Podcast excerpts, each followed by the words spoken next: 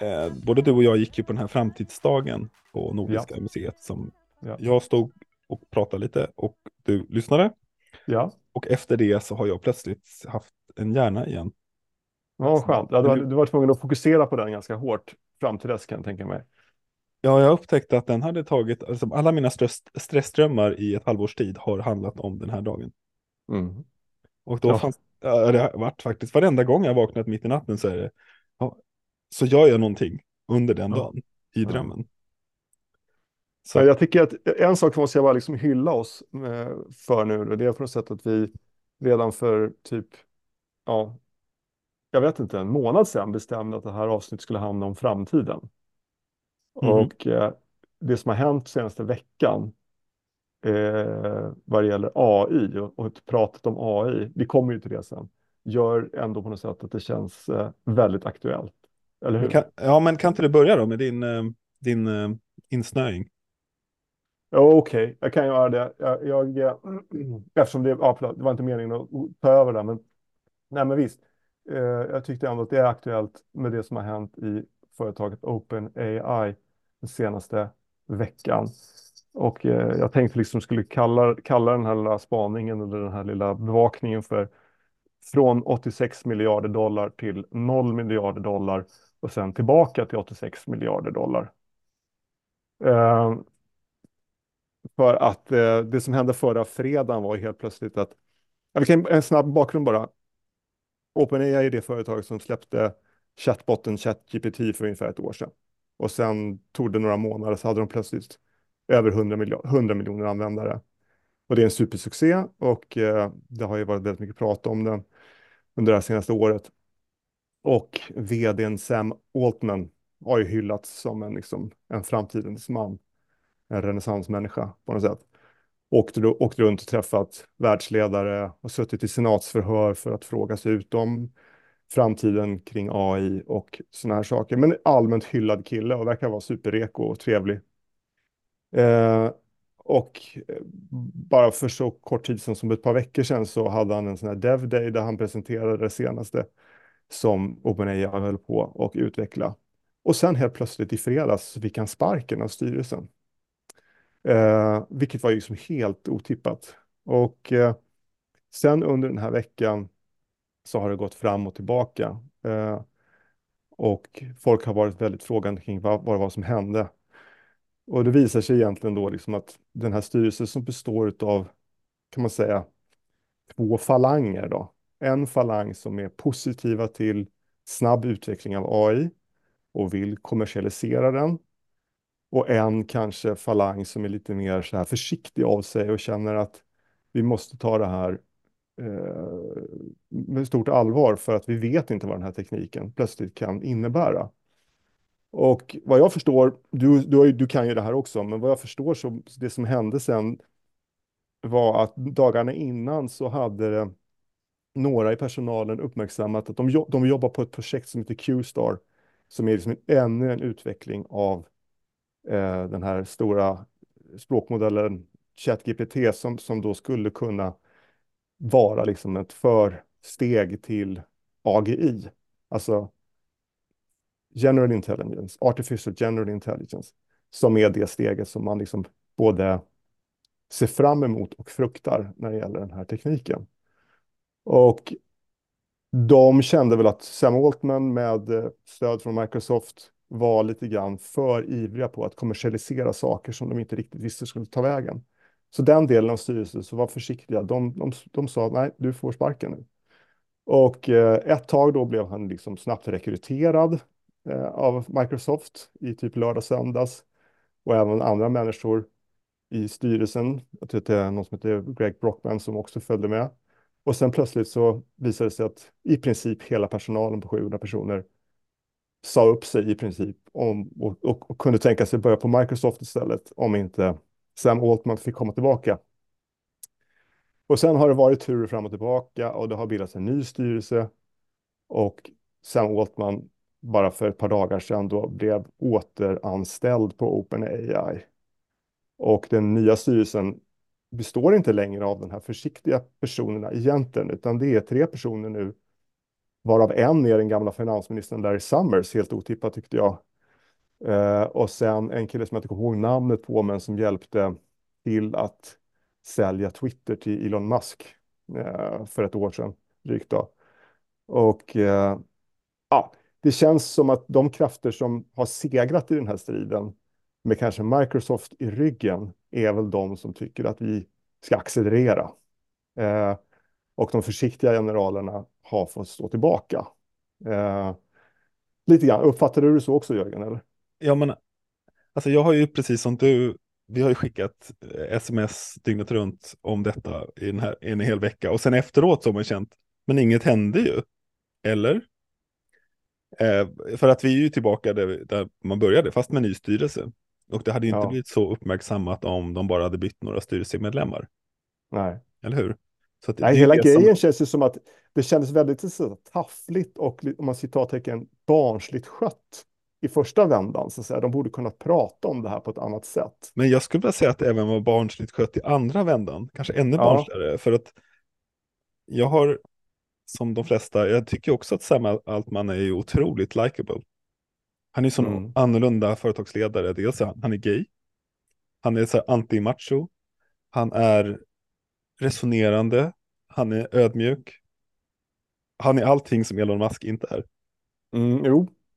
Och det är inte konstigt att människor dras till honom, tycker jag.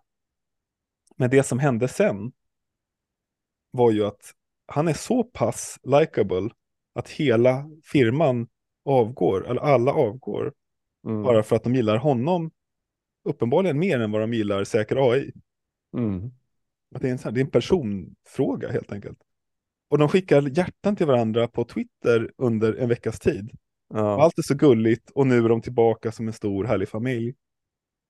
Och några av dem kan sälja då på... på, på det, det, det, sista jag läste nu, bara, bara om det var igår kväll eller i morse, var väl att de återigen genomför den här försäljningen av aktier till nya investerare på en värdering på 86 miljarder dollar. De kickar igång det programmet igen. Så att allt i sin ordning, så att pengarna styr. Uh, och uh, precis som du säger, man blir nästan så, så lite, lite tveksam kring om Sam Altman är så där läskigt förförisk. Ja, men är han bara en sektledare? Ja. Det är så det känns. Och när man tittar på de här bilderna och ser så här 25-åriga utvecklare och alla är så glada och det är naturligt att de dras till den här personen. För han, är ju, han går ju ta på. Medan det här hotet är ju någonting långt i framtiden, hoppas vi. Eh, och svårare att ta på, precis som eh, alltså, på Framtidsdagen var det ett föredrag som handlar om den psykologiska framtiden där där man då funderar kring varför, varför kunde vi stänga ner samhället för corona, men varför gör vi det inte för växthuseffekten? Mm. Och man då, han då, Mats Lekander som är professor i psykologi, hävdade då att det är att vi är programmerade att hantera sjukdomar väldigt mm. akut. Det, det, ligger nära oss, det rör oss, det rör alla vi har, det är evolutionärt helt enkelt. Mm. Medan den, ty den typen av hot som ligger i framtiden är mycket svårare för oss att agera på och, ja. och förstå. Det, ja, det kommer samma... vi också tillbaka till, vad heter det i podden sen, det här med long-termism. Alltså de, mm. de långa perspektiven på framtiden och, och, hur, man, hur man ska ställa sig till det. Men bara för att snabbt bara avsluta kring det här med OpenAI, det är ju på något sätt att man, man kanske mot bakgrund av det här ska också berätta liksom att redan tidigare så var det personer i den här organisationen som bröt sig loss och startade ett annat AI-bolag som heter Anthropic. Eh, även Elon Musk är så här inblandad i, i OpenAI för att han var med och grundade det och finansierade det 2015-2016. Men sen stack därifrån av lite grann vad jag förstår obskyra skäl för att han har ju sen varit en som typ Max Tegmark och andra som har varnat för AI-utveckling. Men på något sätt ändå fallit i föga och startat sitt eget bolag Grok nu bara och lanserade det för några veckor sedan. Så att alla är igång, alla stora som har mycket pengar, mycket data och mycket compute. De är igång nu och kör järnet för att liksom vara den som tar fram nästa steg. Och, och den här Grok, det tog dem två månader att sätta ihop det. Och mm. den, är, den ligger väldigt bra till. Den är inte före mm. ChatGPT, men den är inte jättelångt ifrån. Nej. Så uppenbarligen behövde man inte så mycket tid. Att göra Nej. Det här.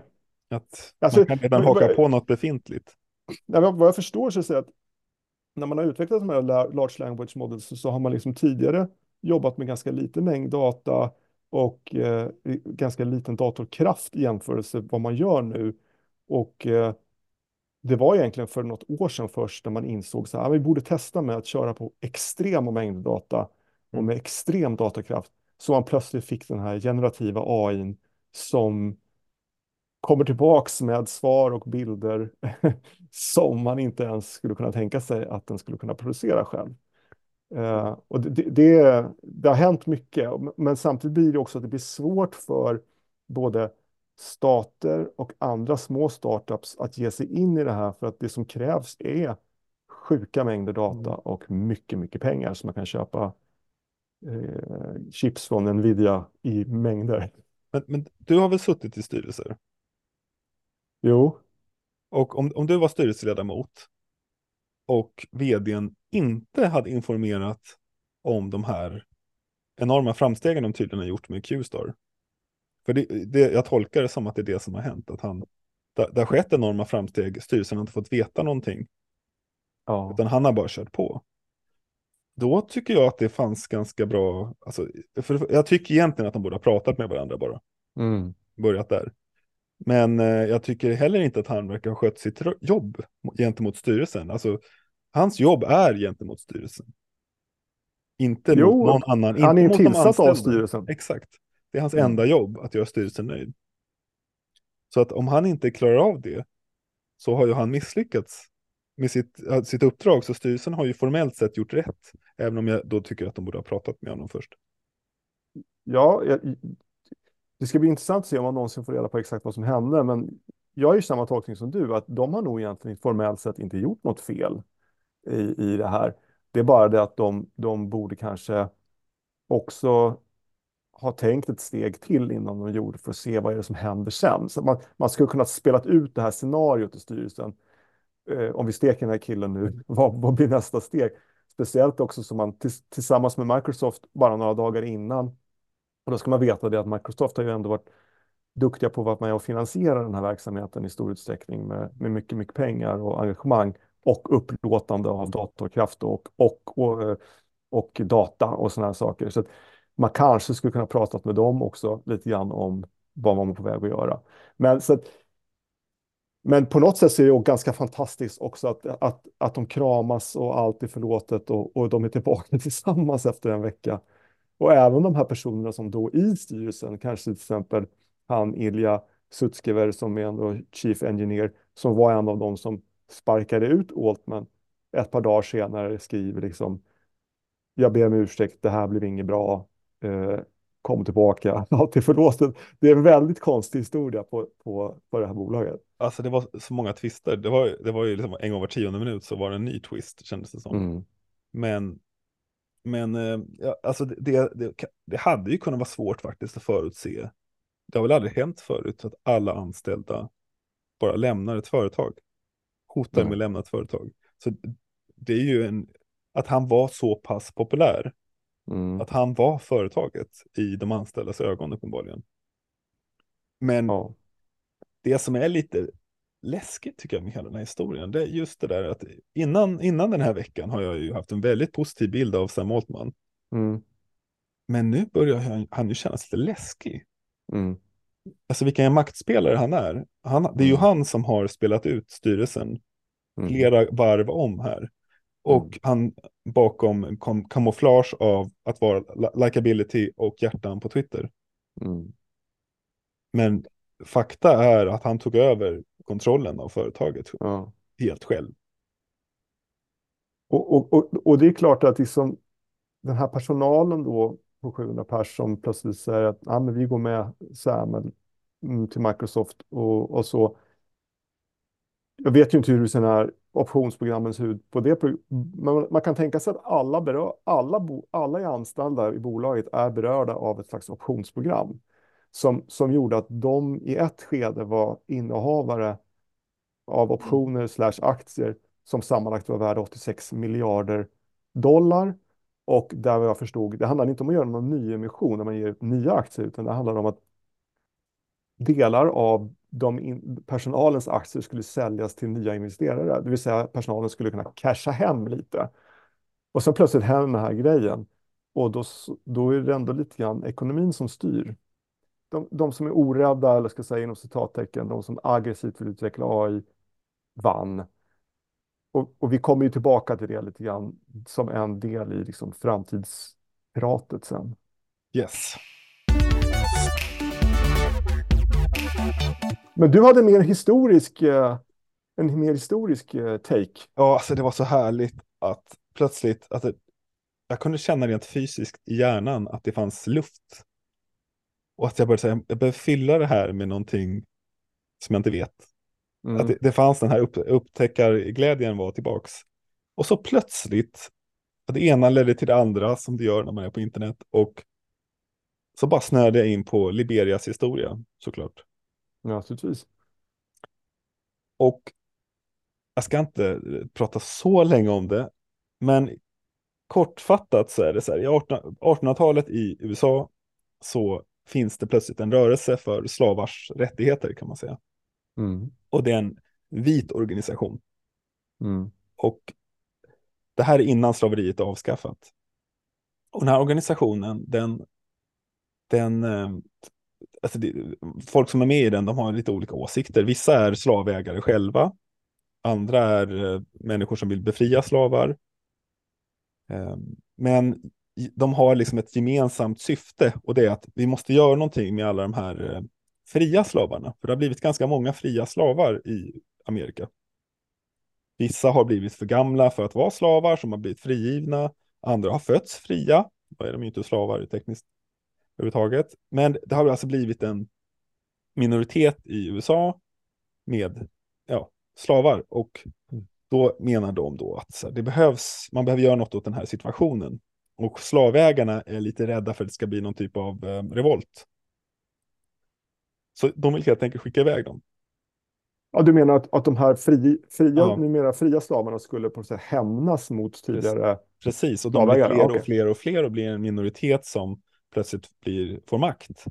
Okay. Um, ehm, och sen finns det ju då andra som menar att så här, men de, vi behöver göra något åt de här, för de här stackars människorna. Så det, det mm. finns lite olika liksom, incitament för att göra någonting åt frågan. Men gemensamt har de då att de tycker att det kan vara bra att eh, skapa en koloni för slavar. Mm -hmm. Så de köper mark i Västafrika och, tar, och bildar då Liberia. Vadå?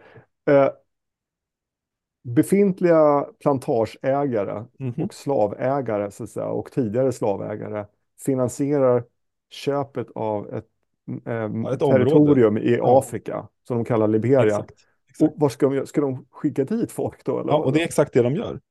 De skickar dit tiotusentals människor till Liberia, som inte heter Liberia då.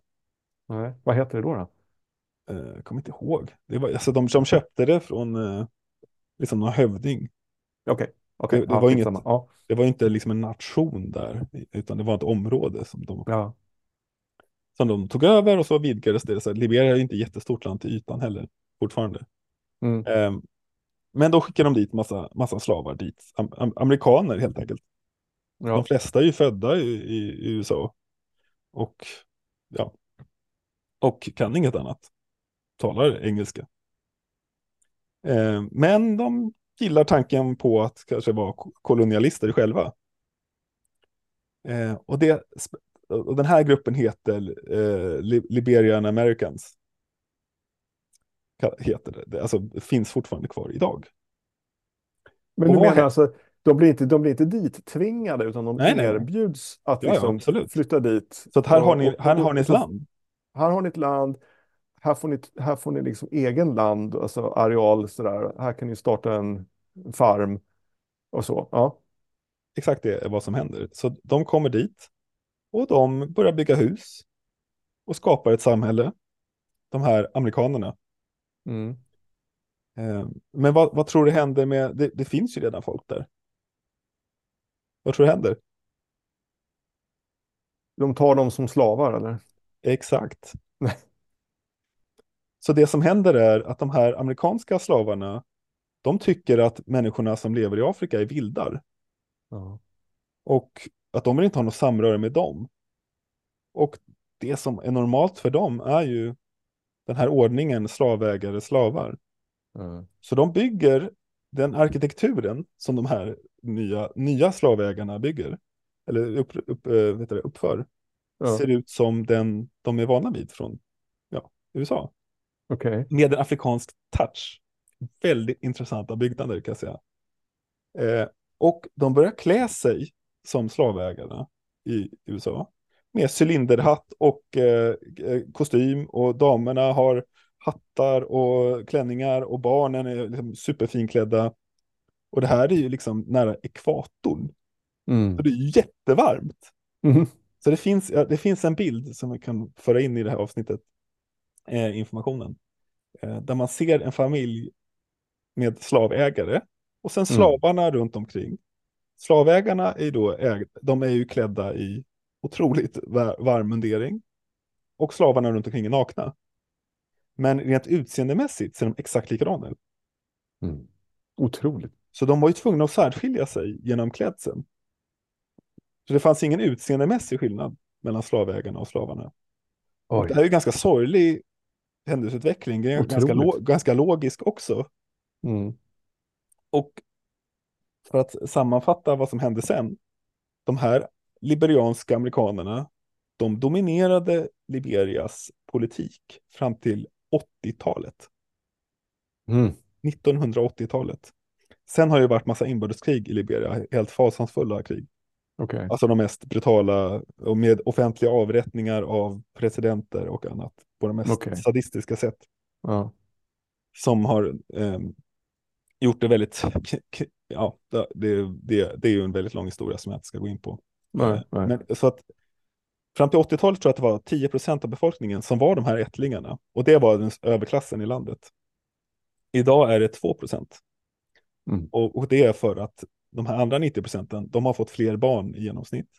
Okej. Och att de här andra 10 procent, eh, de, de ursprungliga då amerikanska eh, liberianerna, de hade lättare för att lämna landet under kriget. Okej. Ja, precis. Okej. De hade mer Så pengar och kunde sticka därifrån. em- Ja, precis. Emigrerat Mm. Mm. Otrolig historia. Alltså, ja, jag tycker, så att eh, det där snöar jag in på totalt. Ja. Eh, Men sen såg jag i tidningen nu att de, en positiv avrundning, att eh, George Weah, fotbollsspelaren som vann Guldbollen 1995 tror jag det var, han Ja. har varit president här senast och han har nu avgått frivilligt Okej. eftersom han förlorade valet och ersatts av en annan president. Och det här är ganska ovanligt i den här vadå, delen av i, världen. i, i, i, alltså ett demokratiskt val Ja, och eh, han, han, alltså, såg sig besegrad och, lämnade över till den som hade vunnit valet, eller? ja, och det är allt, alltså sånt som händer i svenska val jämt. Men i den här delen av Mm. världen är det här och i inte amerikanska vanligt. val ibland. Exakt. Det har ju börjat. Vi får liksom- se hur det blir nästa år. Ja. Eh, men det betyder att eh, George Weah, han, om han verkligen gör det här nu, då kan han få ett pris som heter Mo Ibrahim-priset, som är på Okej. 5 miljoner euro och 200 000 euro om året. Och det är en sudanesisk engelsk affärsman som delar ut det till presidenter som i Afrika som avgår frivilligt. Och det har delats ut en gång. Och det var till den förra Liberi- Det känns ju som värsta utköpningen. Ja, så att Ja. det, det var där han tyckte att pengarna skulle göra mest nytta för demokratin. Ja, skapa ett ekonomiskt in- incitament för avgående presidenter att faktiskt Är han en så, så kallad effektiv altruist? Eh, ja, precis. Eh, man får nog utgå från att han kanske är det. Att han Mm. hade räknat ut att det där är ett bra sätt att använda sina pengar på. Mm, mm, mm. Eh, så vi hoppas att George tar pengarna och sticker. Okej, Anders. Du ska Mm. få fem frågor av mig. Okej, Är du redo? ja. Nummer ett. Ångrar man någonsin ett bad? Nej. Mhm. Kan du motivera? Nej, men varför skulle man ångras ett bad? När man väl har kommit upp så är det ju allting frid och fröjd. Det kan vara jättejobbigt att gå i när det är fyra grader i vattnet eller något annat. Men jag tänker, nej, jag tror inte man ångrar ett bad. Hmm. Jag, jag tror det. Okej, men i vilket, vilket, på vilket sätt? Men alltså det här, det här är ju en, en filos filosofisk fråga som egentligen är, alltså nu, är det bad som är, som är liksom ämnet, men egentligen menar man, ångrar man någonsin någonting? Oh ja. Ångrar man, ja men det, det är lite som så här, för, ingen ångrar lumpen, men ingen vill göra om lumpen. True. Eh,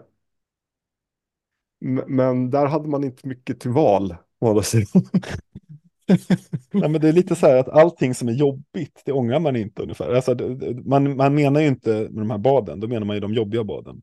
Man ång, såklart man inte jobbar. Men jag kan, jag kan ångra grejer, Jörgen, men det kanske är en helt, du vet vad, det kanske är en helt poddavsnitt, saker vi ångrat. Ja, ja, men jag tycker att man ska prata lite mer om, om det faktiskt. Alltså, det är orimligt, om, om det inte vore så att man ångrar någonting, då är ju alla Mm. val meningslösa.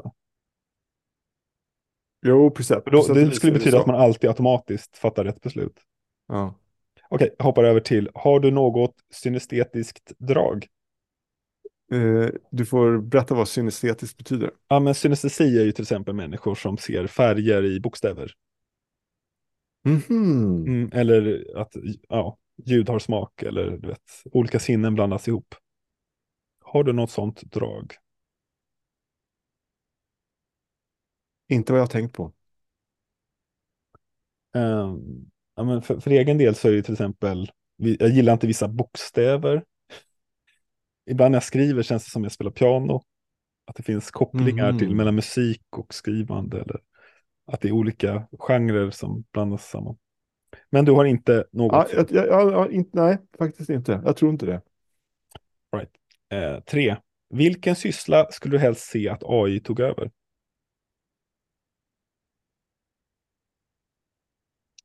Oj.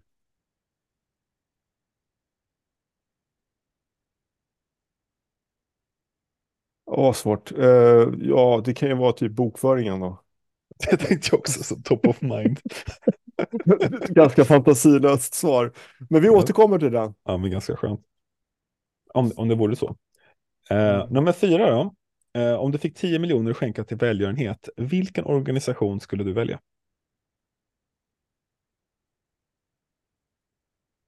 Allt ska till, tillsammans naturligtvis. då, Ja, va? jag tänkte det. Mm. Ja.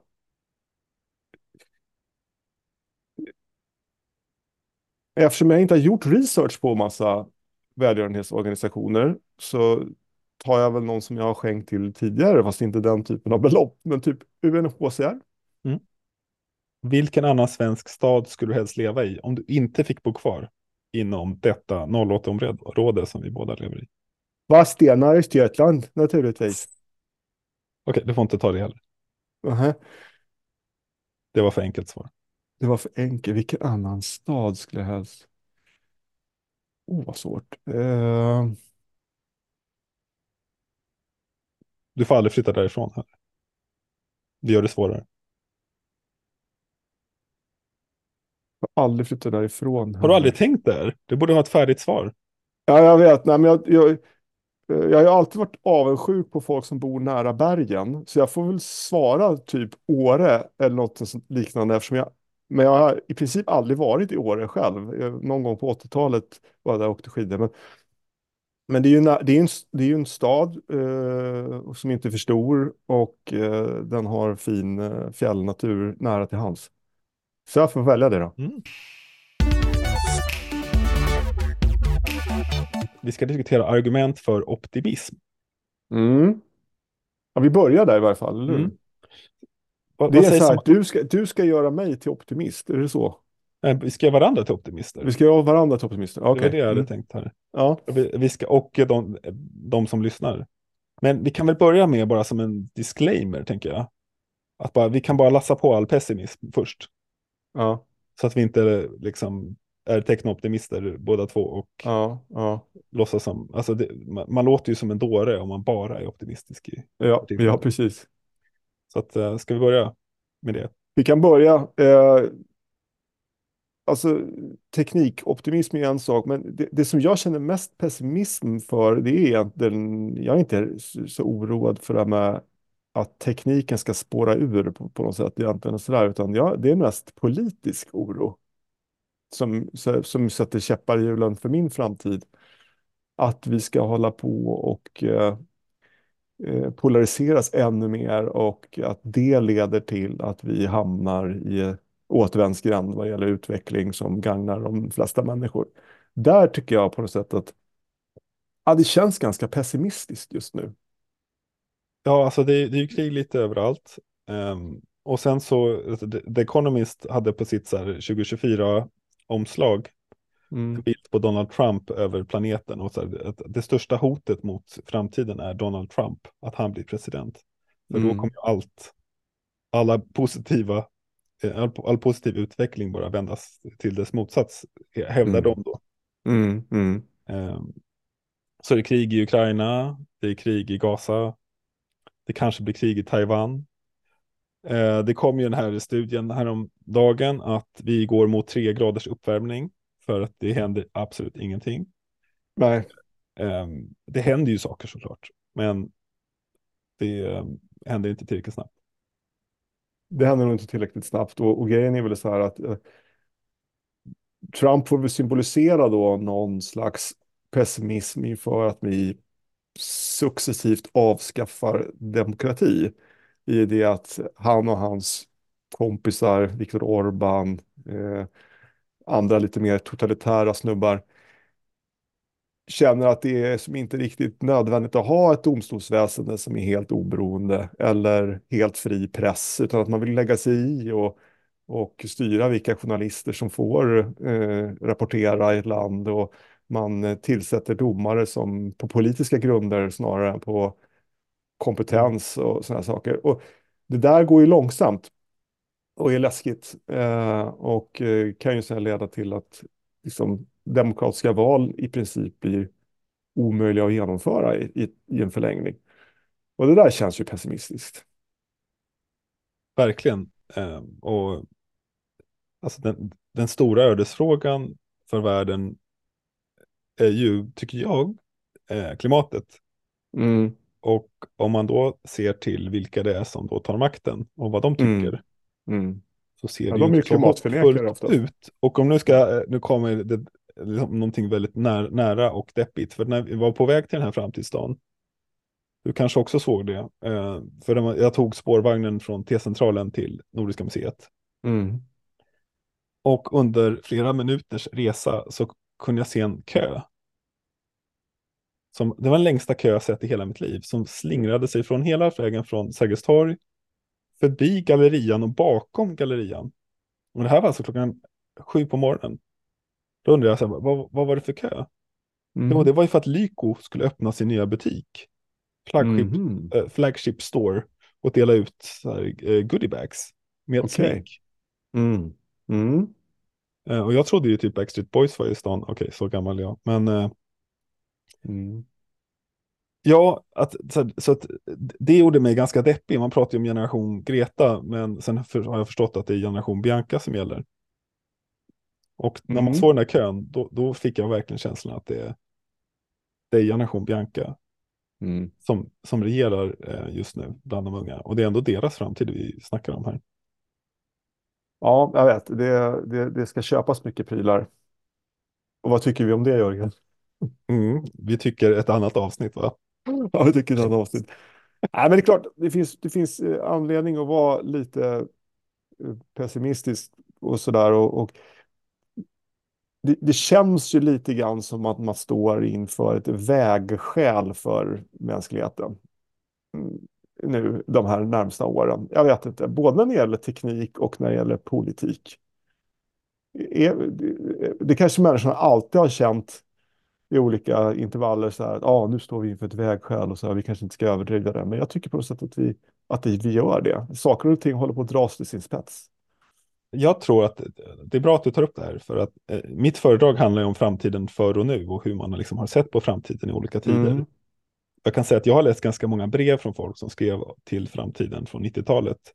Och det var inte precis som de tyckte att 90-talet var så underbart.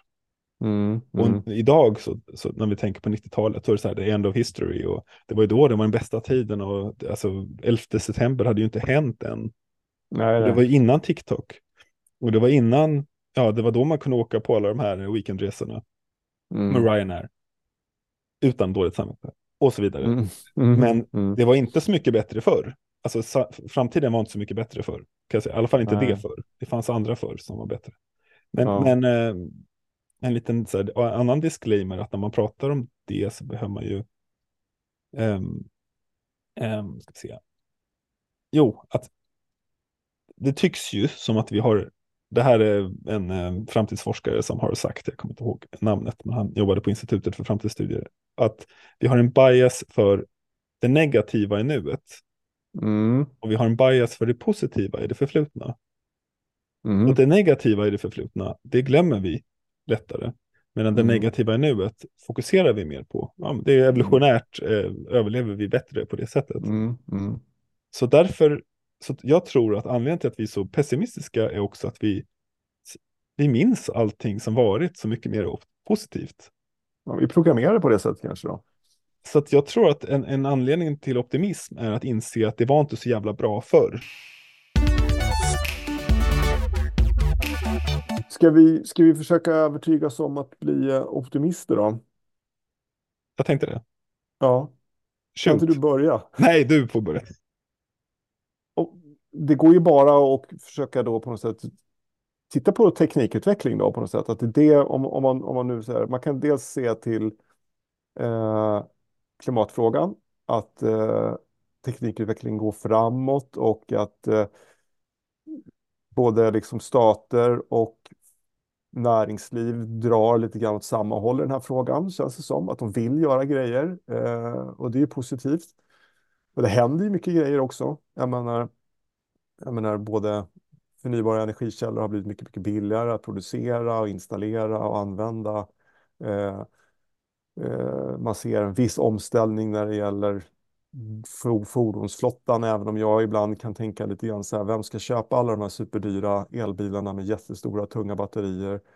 Eh, och hur, hur ska det funka med, med det? För det finns ju en miljö, miljöaspekt också kring det här med brytning av litium och alla de här olika metallerna som ska, ska till. När vi ändå bara kanske kör två mil varje dag med vår bil. Eh, men och vi ska vara optimister där. Men, men, nu när vi pratar om eh, OpenAI och AI, så, så, den delen, där finns det ju anledning till optimism. Man känner att där har AI hjälpt till att accelerera utvecklingen kanske inom eh, biotech, eh, eh, mediciner. Vi kanske kommer kunna bota massa mer sjukdomar ganska snart med hjälp av den typen av inlärning och generativ AI. Och så får man hoppas att den, att den positiva användningen av generativ AI kommer att besegra det negativa när det gäller till exempel att detektera deepfake-videos och andra saker som kan underminera demokratiska val. Att man på något sätt ligger steget före med de positiva grejerna där. Du har ju, alltså, du har ju rätt i att eh, vi, vi behöver ju hjälp med att, jag menar bara en människa kan ju inte gå igenom all världens forskningsdata, men AI kan. Mm. Så bara det gör ju en liksom hoppfull att man ska kunna hitta mönster som inte en människa har en möjlighet att, att hitta. Mm. Eh, Covid-vaccinet skapades ju på tre dagar av AI och det tog fyra dagar att testa det av AI. Mm. Mm. Men sen så gjorde man det i praktiken också väl på elva månader. Ja. Så att redan nu har vi ju liksom ett, ett konkret exempel där AI har liksom hjälpt oss. Mm. Och eh, så att jag håller med dig att alltså, om vi bara hittar rätt användningsområden, tänk miljön. Tänk, alltså, om vi, om vi skapar en sån här hyperintelligens. Mm. Vilka batterier kan man göra då? Eller behöver man ens batterier? Kommer den på någonting som vi inte ens föreställt oss? Vi, vi vill ju liksom planera vår framtid, men tittar man, alltså tänk så här, någon som levde 1873 då, som skulle förutse att de närmsta 150 åren, då kommer man dels gå på månen, kärnkraft, AI, CRISPR, eh, internet, bilar, flygplan. Jag menar, det är liksom, vem hade kunnat, eh, penicillin? Vem hade Jo, men- kunnat förutse det? Det är väl egentligen så att all teknisk utveckling och medicinsk utveckling har ju varit liksom till mänsklighetens goda nytta, så att säga. Mm. Eh, och den har accelererat brutalt de senaste 150 åren. Mm. Och sen så är det här med framställning av energi är, är lite grann ett område för sig då, som är för sig stort och betydande. Men på alla andra områden så har ju bara liksom, teknikutvecklingen varit till gagn för mänskligheten. Och den, och den positiva utvecklingen kommer ju fortsätta. Vi får, vi får lösa den här grejen med energi. För att vi kommer antagligen behöva mycket, mycket mer energi per capita framgent.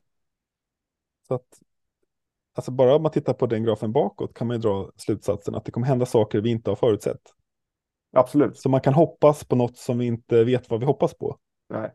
Och med goda får, skäl. Ja, exakt. Där, där får ligga optimismen, får ligga i det här liksom att vi kommer lösa det här. Vi kan inte, vi kan inte förutse hur det ska gå till, men vi kommer lösa det. Eh, Jag, jag har skrivit en ganska lång lista här med olika saker, men en, sak som så här, det här utgår från är också att vet, kreativitet, det är ju att kombinera saker som man inte kombinerat tidigare. Mm. Och att det händer ju ganska mycket i tekniska utvecklingen samtidigt. Till exempel fusion, tänk fusionskraft plus kvantdatorer plus AI. Mm. Så vi har så här oändligt med energi, oändligt snabba datorer plus oändligt, oändlig intelligens. Kan vi förutse Mm. vad det kan generera? Mm. Eller hur? Ja, det vore precis. spännande. Och där kommer vi kanske tillbaka till det här, de då som på något sätt eh, energidelen och eh, snabbheten är en sak och sen har man den här eh, AGI då, eller den här intelligensen som är liksom överstiger mänsklig intelligens. Hur kan man styra så att den är aligned med mänsklighetens intressen? Alltså att, den Mm. att, den, att de drar åt samma håll, att den inte får en egen idé om vad som är bra och dåligt och det skulle gå emot våra intressen som mänsklighet. Är du rädd för det? Tänker du på det? Nej, jag är, jag, alltså, det är jag inte egentligen, utan däremot så kan det vara lite svårt att greppa de där resonemangen, kan jag tycka, för det är, det är svårt att föreställa sig det. Mm. Men eh, de som jobbar med det, man får på något sätt utgå ifrån att de som, och det är ju oftast, det ligger ju där i, alltså de, många människor som jobbar med absoluta längst fram i den här teknikutvecklingen är väl många de som också är oroade för att, att den här typen av intelligens kan bli någonting som går åt fel håll och att man då inte kan styra den utvecklingen. Och om de känner den oron och vissa av dem säger att det är 50-50 och, och sådana saker, ja, då får man väl ta den oron på allvar. Ja, precis. Vad, vad kommer Putin göra med det? Ja, men exakt. Och, och, nu är det ju mycket så här, eh, Facebook har ju så här open source eh, eh, chatbot eh, och Mm. jag vet inte om det är så bra idé. Nej. Men så att det kommer ju hamna, hamna hos eh, det, Hamas till slut. Och eh, alla andra terroristorganisationer och Jo. också få tillgång till väldigt starka AI. Ja, och, och, och, och, det går, alltså, så här, det går ju att tänka sig då att det väldigt, blir plötsligt väldigt lätt att framställa olika pandemiska virus artificiellt eh, och sprida dem i världen. Vi får pandemier som är liksom covid gånger hundra eh, och, och allt det där. Och det är väl det som vi pratade lite grann om effective altruismen och, och eh, de här människorna som jobbar med något som heter long termism. Att man verkligen tar de här långa perspektiven. Och, och där, jag skrev något sms till dig att oh, jag har fastnat i den här sekten, men det har jag nog inte egentligen gjort. Men det är ganska intressant ändå. Man, jag tror att alla skulle... All, det, det, det är intressant att tänka på de riktigt långa perspektiven utifrån att fram till nu så har det levt ungefär 100 miljarder människor och vi är kanske 8 miljarder just nu. Och det finns mycket som talar för att det kommer vara liksom tusentals miljarder liv som ska levas framgent. Och de liven har ju rent moraliskt också ett värde. Och vi eh, har alla förutsättningar idag att påverka hur de människorna och de generationerna ska ha det. Mm. Och man kan tycka att ah, det är science fiction och det är 4000 år fram och sådana saker. Men man behöver egentligen bara tankeexperimentet. Om du visste att jorden eller mänskligheten skulle upphöra att existera om 200 år. Skulle det påverka hur du värderar ditt liv idag och hur du lever ditt liv idag? Eller hur? Ja, sannolikt. Absolut. Och man behöver egentligen bara tänka sig på ens barns barn och ens barns Mm. barnbarn för att få den här grejen att bli lite mer greppbar. Eh, och, och ja, jag tror vi tänker lite för lite på det.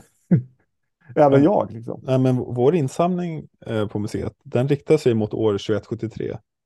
Så det är 150 år. Och det är då vi fyller 300 år, så vi tänker oss en Ja. jättefin utställning då. Eh, och eh, jag drivs ju av att kunna hjälpa de här museiarbetarna år 2173 att göra en jättebra utställning. Mhm, Fastän mhm. jag kommer inte vara med. Men nej. någonting i mig känner att det är mycket mening, ja, det är meningsfullt för mig.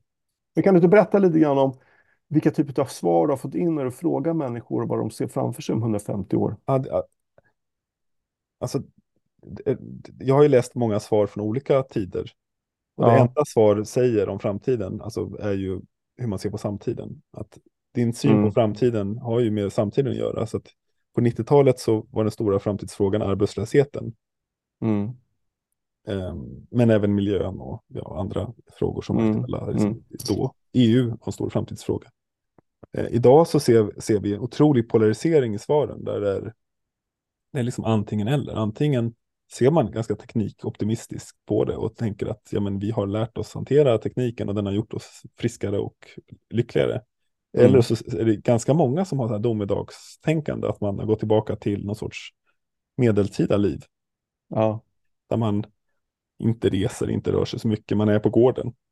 Ja. Och vissa lyfter fram det som, ett, som en, en positiv framtid. Ja. Så att, ja, det är väl, det är liksom, så det man kan säga av det är, och väldigt många är ute efter enkelhet, enkelhet Ja. är temat. Ja. Så jag, jag drar slutsatsen att folk eh, har för många mikrointryck under en dag. Mm. Att det har blivit så mycket skärmar och snabba Ja. beslut och många bollar i luften att man bara, man drömmer om att ett hus i skogen. Okej. Ja. Men, ja, Det är på något jag- sätt men jag- eh, lite grann så här att gömma sig i det på något sätt då. ja, men jag har själv haft den där drömmen och för mig räckte det med ett träd utanför fönstret. Mm. Att ofta att man, man drömmer liksom om motsatser till vad man har. Men jag tänker så här, återigen de här long termism, Mm. vi kommer lägga lite länkar och sådär naturligtvis i avsnittsinformationen. Pratar ju om att det, så det finns ju liksom eh, saker vi kan påverka och saker vi inte kan påverka. Om man tänker på saker som vi inte kan påverka så kan det ju vara plötsligt naturliga pan pandemier. Eh, det kan vara alltså så här tio vulkanutbrott som eh, samtidigt sker eh, över hela jorden så att det blir plötsligt 10 grader kallare. Alltså, det, sådana här saker kan vi inte göra någonting åt, men Mm. däremot kan vi göra någonting åt eh, artificiella pandemier och vi kan göra någonting åt kärnvapenkrig. Vi kan, vi kan göra någonting åt klimatförändringar och sådana här saker. Och att om man bara tar det här lite längre, det här lite längre perspektivet så borde man egentligen kunna sätta de här frågorna på agendan lite mer i som en andel av BNP. Att man på något sätt förbereder sig bättre. Att man liksom sätter av lite pengar till kring hur förbereder vi oss globalt för nästa pandemi? Hur, hur ser vi till att eh, kärnvapenhotet minskar? Bara det faktum att det minskar så att säga, är ju någonting som är till gagn för framtiden. Det finns ju saker vi kan göra eh, kring det där som, som är, ja, som man som, och, och då har jag läst en bok som heter Ministry for the Future av ehm, Kim Stanley Robinson som är en, eh, det är i och för sig en science fiction-bok, men den utspelar sig i en, i den nära framtid, hundra år framtiden, där man egentligen i, i vår tid nu tillsätter någon slags framtidsministerium som ska representera framtida generationer på ett mer konkret sätt. Alltså de ska föra framtida generationers talan när man tar olika beslut. Tanken är ju lite utopisk idag naturligtvis, men den känns ändå ganska sympatisk. Det här finns i vissa länder, eh, här framtidsombudsman. Eh, och jag vet att i Japan så har man jobbat med eh, olika typ, grupper, när, till exempel om man ska bygga en ny motorväg eller en park eller någonting, att man tar in en Mm. grupp eh, människor och så säger man att ni är representanter för framtidens människor. Så, det liksom, Mm. så blir de, får de tänka kring det här projektet utifrån ett, ett lä- längre perspektiv och det har påverkat ganska mycket stadsbyggplanering i Japan. Det är kul. Att det, Det blev, intressant. det blev annat utfall när man tvingade folk att tänka långt. Eh, Så att eh, boken låter, eh, jag har, inte- du har tipsat om den, men jag har inte läst den. den Ja, den är, den är, den är bra. Och, och den, ja, jag ska inte spoila den för mycket, men den, så att säga, den är positiv, optimistisk eh, i ett långt perspektiv om man tänker 100-200 år fram i tiden. Men på ett medellångt perspektiv, så här 20-50 år, så är den ganska pessimistisk. Att vi måste ner i en ordentlig svacka först för att det ska bli bättre. Och det är ju lite grann, ibland är det ju så att, mm, det, måste bli rejält sämre för att det ska bli bättre i det att folks krismedvetenhet ska komma upp precis. till ytan. Men det är ju det här vi sa med, med att man kunde stänga ner samhället för pandemin. Mm, Det tycker jag är väldigt positiv. Eh, som ett- Det, det är en, en källa till optimism. För det visar ju att det går att göra väldigt, väldigt mycket och väldigt snabbt när det är kris. mm. Och Men det gäller, upplever- också, det, det gäller också på något sätt att göra rätt grejer där. Och det, och, och det är klart att det var ju mycket som gjorde att vi gjorde det rätt. Men och jag tror att det, det visade sig att Sverige gjorde ju rätt i att vi inte stängde skolor och sådana saker.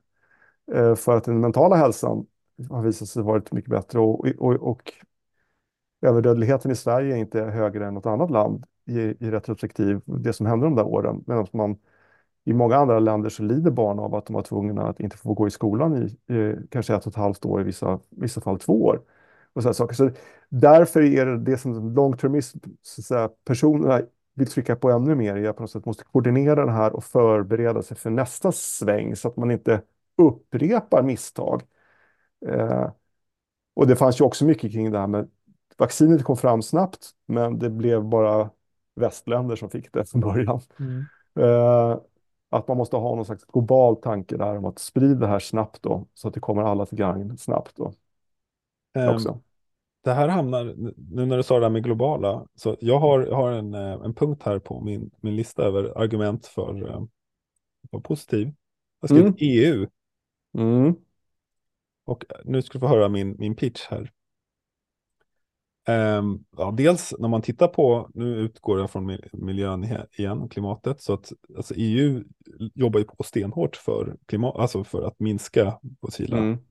användning av fossila bränslen om man jämför med andra delar av världen är ganska anmärkningsvärt. Eh, Mm. och man har nu då också infört en eh, eh, det, miljötullar eh, för länder som importerar till, till EU. Eh, vilket i princip innebär att antingen så betalar man miljöskatt till EU eller så inför man den här miljöskatten på hemmaplan Mm.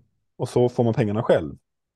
Och så, ja, Mm. Eh, Mm. Så att EU använder sin, liksom sin storlek till att förändra andra an, politik i andra länder. Okej.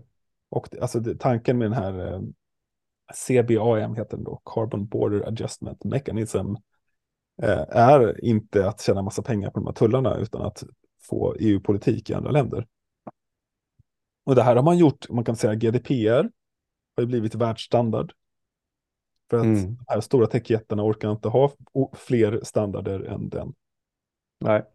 Eh, man, och man har infört den här minimiskatten på, vad heter det, mul- multima, eh, vad heter det, på företag, 15 procent. Mm. Mm. Mm. G- eh, så det är OECD som har startat det där, men EU har nu infört det. Mm. Ehm, och allt det här sammantaget ger mig ändå lite hopp om att alltså, det finns mycket goda krafter i EU. Och då i, och med det att använda det som en, den makten för att påverka andra, att det här är den nya normala. Ehm, så att EU. Jag har några argument till. Okej. Ehm, och ett argument som jag har lite sagt emot, det är det här med den nya gener- generationen. Mm. Jag anser ju trots Lyko-kön att den här nya generationen som vi har ehm, är oerhört mycket mer medveten och ehm, begåvad. Tidigare, tidigare generationer var i samma ålder. Okej. Man, det finns tack, bland annat tack vare internet, men det finns en, vad som är normalt idag har ju förändrats enormt. Mm. Eh, flygskam fanns inte på 90-talet. Men det, det finns idag, kanske inte bland alla. Men... Och sen hi- hittade jag en ganska spännande statistik över eh, medelålder i Mellanöstern. Ja. Och om man frågar sig varför blir det inget storkrig nu i, runt Gaza? Ja. Så kan man nog, enligt en eh, bloggare jag följer, eh, kan man titta på den här statistiken eh, som vi också inför i, i avsnittet. Att medelåldern har ju gått upp rejält i alla de här länderna i Mellanöstern. Antalet barn per, per kvinna har ju gått ner jättemycket. Och generellt så den här typen av länder som, där, det är hög, där det är hög medelålder Mm. krigar mindre. Låg medelålder innebär fler krig. Och det kan man ju se i ganska många delar av världen att det är liksom barnafödandet går ner, medelåldern går upp. Det brukar i snitt då leda till lite mer förnuftiga långsiktiga beslut. Mm. Vad tror du om det? Jo, så är det säkert eh, att man liksom, pannloben växer ihop när man har fyllt 25 och sådär. Men samtidigt så, ena, det är liksom både och då. Att du har unga generationer som, som du ser positivt på för att de är så pass mycket mer eh, informerade och kan ta informerade beslut. Och sen i ett annat läge så är det bra att det inte är så många. för att de är inte så emotionellt, de är så emotionellt styrda. Så att de skulle kunna dra ut i krig enklare. Ja, ja det, är ju, det är ju lite av båda delarna. Men att det inte har blivit Ja. ett storkrig. Jag menar, om vi tittar bakåt. Jag tror att det beror rätt mycket på att omgivande länder i Mellanöstern, eh, de vill inte ha den här konflikten längre. De vill bli moderna länder. De vill gå framåt på något sätt. De, de känner att eh, de här religiösa extremisterna, jihadisterna, representerar inte liksom det som folket egentligen vill. De, de vill bli moderna länder. De vill lägga, lägga det där bakom sig. Jag, jag hoppas och tror att det är det som påverkar det här, att det inte drar iväg för mycket. Vi får se vad som händer med Iran. Mer, mer positiva grejer. Precis. Alltså nu öser vi på tycker jag. Ja. Eh, I västvärlden så var ju utsläppen väldigt mycket högre på 70-talet till exempel. Det Mm. har ju gått ner, Mm. men inte tillräckligt snabbt. Nej. Eh, Kostnaden för sol och vindenergi har ju gått ner till helt groteskt låga nivåer. Mm. Det trodde ingen. Det har gått mycket snabbare än alla trodde. Ja. Det är väl bra. Det är jättebra. Jag stänger ut en liten kanske inflammerad eh, fråga här. Eh, miljörörelsen på 70-talet lyckades ju på något sätt sätta stopp för kärnkraft i väldigt stor utsträckning. Mhm. Tror att de, apropå ångra saker, tror att de ångrar det idag? Ja, det tror jag faktiskt. Till och med Ehm, Greta tror jag faktiskt har snackat positivt om kärnkraft. Så det, det är lite synd att vi inte liksom tog chansen nu. Det är ju klart, det har hänt på andra ställen, men vi skulle kunna ha använt den i mycket större utsträckning för att generera energi. Alltså, jag är väldigt skeptisk till kärnkraftsavfall. Om man. Mm, mm. Jo, men det är klart, det är att- att- alla. att- vilk- vil- vilken liksom rätt alltså, har vi att skapa problem för människor om hundratusen år? På det sättet. Samtidigt som ja men vi skapar ju ett, eh, alltså i, i, i en värld när vi har de här två problemen samtidigt, Mm.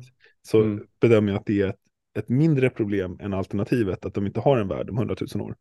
Ja, men det, det tycker jag också. Och grejen är så här att vi har ju också under våran, här, under kärnkraftens livstid, de här senaste 50 åren, vad man ska säga, också sett att eh, det som att en gång trodde det var avfall som var värdelöst så att säga och hade en halveringstid på 100 000 år har ju sen gått att använda i nya typer av reaktorer om och om igen. Så att liksom, där kan man också kanske se framför sig en teknisk utveckling som gör att avfallsfrågan kanske är en icke-fråga i. AI löser den också. Vi säger att den gör det. Vi lägger det AI-korgen bara. Ja, det tycker jag. Ja, alla, vi läm- alla problem. lämnar- alla problem.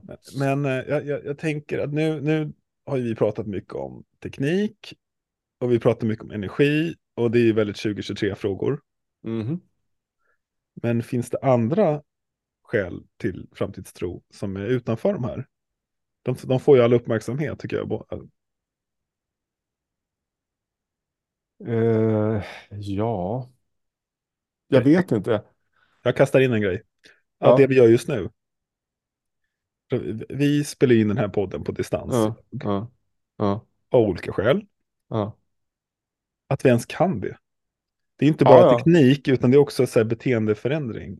Att kunna jobba på distans. Jo, men och, och det återigen då, det är också ett argument för den här äh, hänsynstagandet till framtida generationer. Det här att vi för hundra år sedan så, så, så brydde man sig naturligt, av naturliga skäl av de som bodde närmast runt omkring, rent geografiskt. Mm. För det var, det, ens överlevnad var berodde på dem och man hade en relation till dem och bla bla bla. Världen har krympt i den bemärkelsen att på något sätt vi får information, vi kan se vad som händer i andra länder. Våran så att säga, omsorg om människor som bor väldigt långt ifrån oss har nog faktiskt ökat. Ja, och, då skulle man, och då skulle man nästan kunna ta nästa steg och känna så här, att vår omsorg om människor som inte finns ännu kanske också kommer att öka. Eh, för att vi blir liksom både geografiskt och tidsmässigt närmare varandra. Va? Det är väl ja. positivt? Jag har inte nämnt det här, men jag, jag var och tittade på den här teatern Europeana på Dramaten i förra veckan. Och den handlar om hela 1900-talets historia i en pjäs som bygger mm. på en mm. bok som heter samma sak. Och apropå att vi har fokuserat på det negativa, jag skulle säga nästan det kändes som hela den pjäsen handlade om alla krigen. Som var ju fruktansvärda. Mm. Men världskrigen ägde rum, om jag räknar rätt, eh, 10 av, av 100 år. Mm. Under 1900-talet. Mm. Men de är så, så otroligt spetsigt och hemskt såklart. Ja, jo, naturligtvis. Så att det är väldigt, väldigt lätt att fokusera på det. Men jag kan också säga, eh, du ska få höra lite Gapminder-siffra här från 1900-talets utveckling. Eh, år 1900 så levde 78 procent av världens invånare i extrem fattigdom. Mm. 1990 var det 38 procent och mm. idag mm. är det 9 procent. Mm. Det blir ingen bra pjäs av det, men... Nej, Eh, men det är klart att det är superpositivt och det finns ju extremt mycket sådana gapminder fakta som typ att folk har större tillgång till utbildning och, och, och har mer alltså, tvättmaskiner per capita, whatever, så, så här, du kan ta så här, bekvämlighetsgrejer och sådär. Uh, Sen kan man ju tänka sig att okej, okay, tio år krig, men det var ju inte så supermuntert i, i Europa under hela 30-talet heller. Det var ju 20-talet eh, så här däremellan. Så, så, så det var mycket, mycket, mycket depp där också. Sen, sen, ja, sen hade vi ju massa andra krig, liksom Vietnamkrig, Koreakrig. Ja, ja, där, det är alltid krig. Men, ja, det är alltid krig. Men det är också lite det här jag menar med att det, det, det var bättre för mentaliteten. Alltså när ja. var förr egentligen? Ja, ja, absolut. Alltså, det har ju alltid varit krig. Men känner du också då på något sätt att vi står, mänskligheten står lite grann vid ett vägskäl och det finns liksom en hel del saker som står på spel. Eh, men du känner ändå positiv och optimistisk i det att vi, om vi inte direkt nästa år kommer göra rätt val så kommer det ändå vi kommer göra rätt val som kommer leda till att det blir bättre på sikt? Alltså, ja och nej. Eh,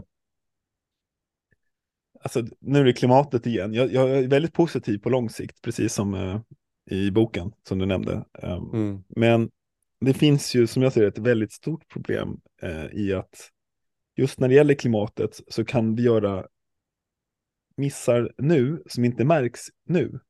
Mm. Att vi når upp ett till ett tröskelvärde och så får oåterkalleliga effekter. Mm. Mm. Och att vi skapar en klimatsituation som vi inte kan vända tillbaka. Det eh, oroar mig. Det är väl liksom ja. det som är den största anledningen ja. till pessimism. Att ja. det kommer inte en coronasituation där det är kris och att vi måste stänga samhället, utan då har det gått, den situationen var 30 år innan det hände. Mm. När vi var tvungna, egentligen borde ha gjort det. Men på det hela taget då, alltså om du måste välja, är du optimist eller är du pessimist? Jag är optimist för alternativet leder ju till eh, fördärvet tror jag. Alltså om man, inte ens, hopp, jag, om man inte ens tror att det ska kunna funka, då kommer man inte ens engagera sig. Jag säger som Mats Kviberg, optimister och pessimister har lika mycket rätt, men optimister har fan så mycket roligare. Ja, exakt. Det, och vad fint att du citerade Mats Kviberg där. Eh, jag vill höra, jag ska citera Elon Musk när vi ändå är på temat eh, Ja. spralliga eh, entreprenörer. Eh, han, han säger det i en intervju innan han blev eh, hatad av eh, mänskligheten. Eh, då sa han så här, livet kan inte bara handla om att lösa problem. Vilket jag ställer mig bakom. Att Ja. vi har ju en massa problem här i samhället att lösa. Ja. Men om vi bara fokuserar på problemen så blir det Ja. inte så roliga liv. Nej. Nej, visst. Visst, så är det. Så att jag, om jag, jag skulle vilja att vi också pratade om, som vi försöker i den här insamlingen vi gör, prata om hur vill vi leva och vad, vad är ett gott liv? Är det att köpa, sitta i en kö för att köpa smink eller, eller få gratis smink? Precis, och, det, det, och apropå, apropå den här uh, framtidsdagen då. Det var en grej som, jag, som faktiskt fastnade hos mig. Det var Carl Tam, va? Mm. Eh, det han sa kring det här med att istället för att fokusera på vad vi ska liksom rätta till för saker för att det inte ska gå åt helvete så, så efterlyste han mer visioner kring hur ser det goda samhället ut om, om hundra år så att säga och hur tar vi oss dit? Att man på något sätt mer konkretiserar är väldigt konkret kring hur den bilden ska vara. Inte bara så att ah, man alla lever i harmoni med varandra, utan att man är konkretisera bilden och eh, försöker staka ut en väg ta sig dit. Vara lite mer målinriktad på det sättet. Konkret. Ehm, Jag saknar lite visioner. ja, men det är exakt. Det- Det var bra det- att du snappade upp det, för det var ju hela syftet med dagen, att börja med att tänka kring de sakerna och börja prata om Mm. det i samhället. Mm. Som Mm. gör i podden här nu. Eh, som en vision jag själv har är, jag tycker dels att, det, att vi ska leva mycket mer flexibelt. Jag vill inte att vi stopp, slutar att resa till exempel. Men vi måste hitta ett sätt att resa balanserat. Mm. Och, men också att vi inte ska jobba hela tiden. Att, jag tycker den här balansen mellan arbete och fritid, vad nu fritid är, Mm. är det här fritid det vi gör nu? Det är ju det, men ja, det är det. det är också en variant av jobb, bara att vi inte får betalt. Absolut. Att, att Nej.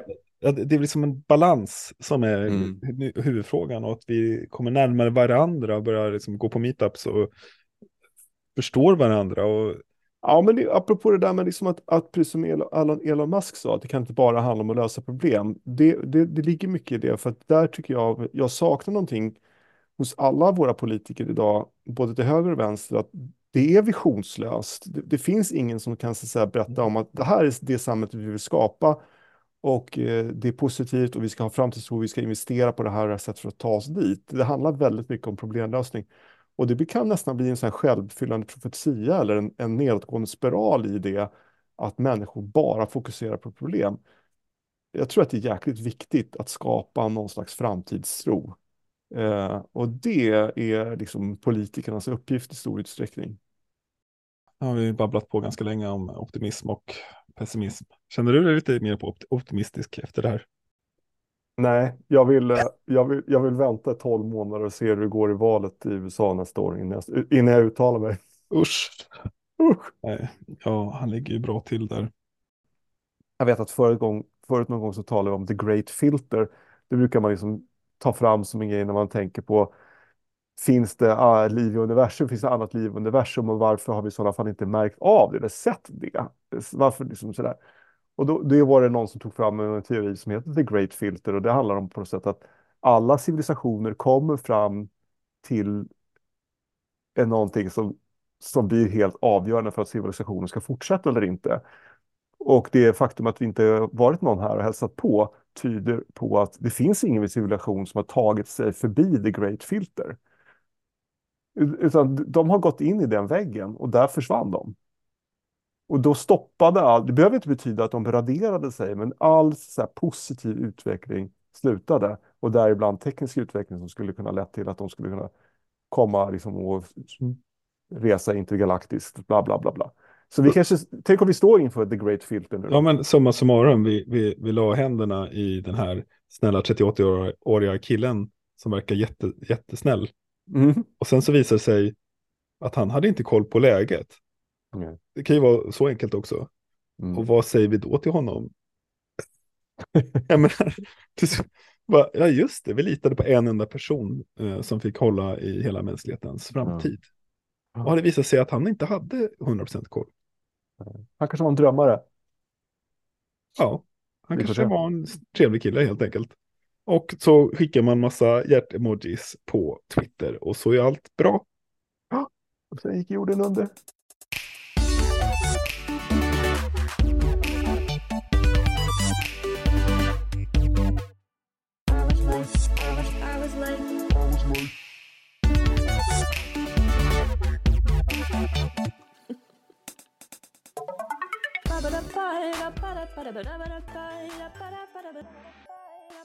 la verdad